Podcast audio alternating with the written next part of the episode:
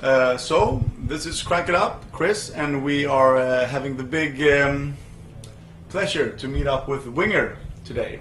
Thank you very much. Huh? welcome we to are. Sweden Rock. Thank you. Thanks. Have Sweden been nice to you so far?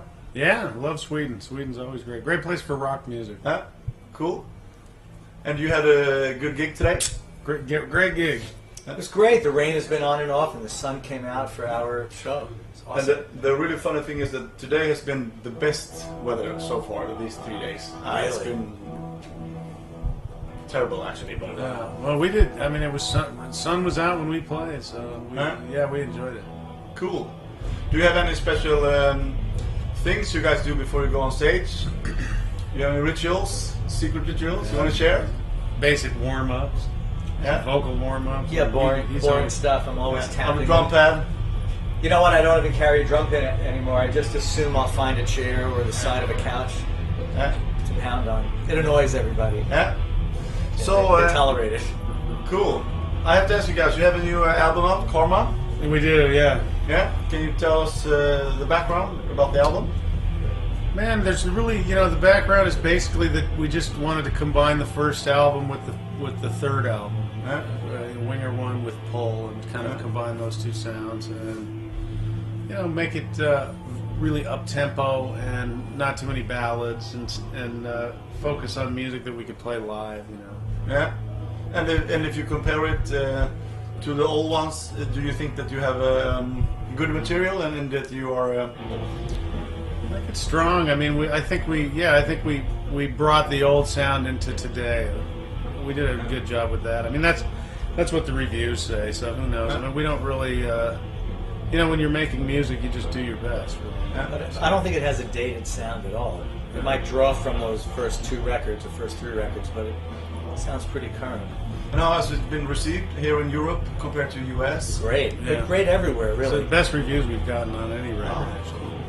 The, you know, the Winner 4, which was the previous record that came out a couple of years ago, sort of took a twist where it had a little bit more muso progressive uh, things on which we were into. Um, some of our audience loved it, others are not so into the. Are you getting the new project. fans, new crowds, younger fans? You always see some young faces there. I mean, I, from my point of view, like half the crowd's 20 years old.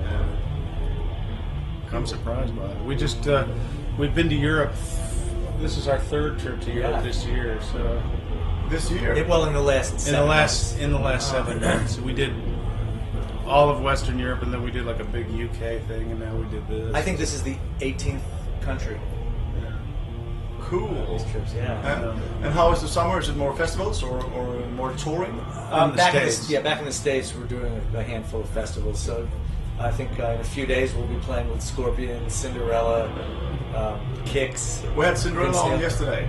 Yeah, that was great. So are you are you going to do um, um, a tour in the autumn, or is, are you all finished with the album now? in the fall. Uh, In the fall, no, Sorry, we're fall. continuing. We'll probably tour through the end of the year into the first part of next year. So yeah, And are you on a plan for a new album? Uh, well, we are always thinking about it. I mean, we just this one's what? When did this come out? About November. eight, eight months ago. Yeah. Um, so you know, I mean, yeah, we could we'll whip another one up at some point, I guess. Yeah. And you have been together on and off through the years. Now you all come from different bands. Do Many. you do you, do you consider uh, Winger to be your main band? Or I do. I mean, for me, yeah.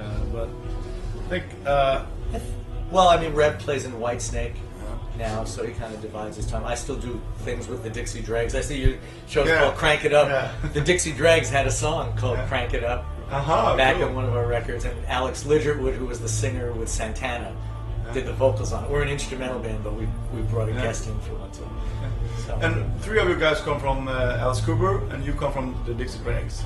And uh, since we were a bit of Alice Cooper fans, can you give me some fun stories from those days? Or well, oh, man, I mean, I was a kid when I got into Alice. I was just 24 years old, so I mean, every day was just a, a new story. It was like uh, I went from waiting tables to to playing 10,000 seats, so it was really. Uh, you know, Alice pl- playing with Alice Cooper is like drinking a glass of blood a day.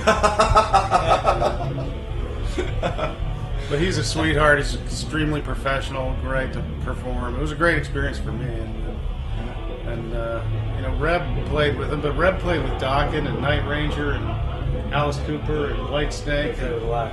uh, Alice Cooper's uh, management had called me to play with them uh, maybe seven years ago or eight years ago. I, I just had too many conflicts. Like it would have been nice to be able to say, you know, almost every win- member of Winger played with Alice Cooper. Cool. So, are you guys going to see some of the bands here at the festival, or are you just going to chill out? A little of both, actually. We were out looking earlier, and uh, we're gonna go eat and then What did hang you out. and- See some Bachman Turner. Yeah, yeah, yeah. Yeah, that would be cool, I think. Yeah. Do you Yeah. think they still can deliver? Have they been a, Why not? a band all these years? or no, did they just put no, it no. together? I think, I think they're putting together the show for this festival. I think. Wow. So we're kind of uh, having high hopes. Uh, Good. Well, I'm sure they're fine. Yeah. And Guns N' Roses, we've, we've known those guys forever, so Yeah. Do you, what can we expect from Guns N' Roses tonight? I have no idea. I, I think that's always a mystery. Yeah, it's always a mystery. There are always these big speculations of what will happen. And Their, their guitar is Bumblefoot. Yeah, yeah. It's a monster. Actually, I played on a record with him. of Yeah. Jordan Brutus's keyboardist from Dream Yeah, Theater. yeah. So that's where I met him. And then when I heard he's in Guns N' Roses, like, whoa! I mean, you're like this jazz fusion lunatic, Uh-huh. and now you're playing bluesy guitar. So I guess he's a real versatile player. Cool. So before we round up, is there anything you would like to say to your fans? We're just really happy to be here, and, and that, you know, it's amazing that uh, we can still do it this long, and people are still coming to our shows. So that's really nice. It was great to play at Sweden Rock with all these great bands. Yeah. Truly awesome. We were happy that you guys have come over. So Yeah, we we're were really happy happy to to be Thank here. you. Yeah, thanks. Thanks, Very dude. exciting to be here. Awesome. Uh, great. Thank you very much. Sign out. Over and out.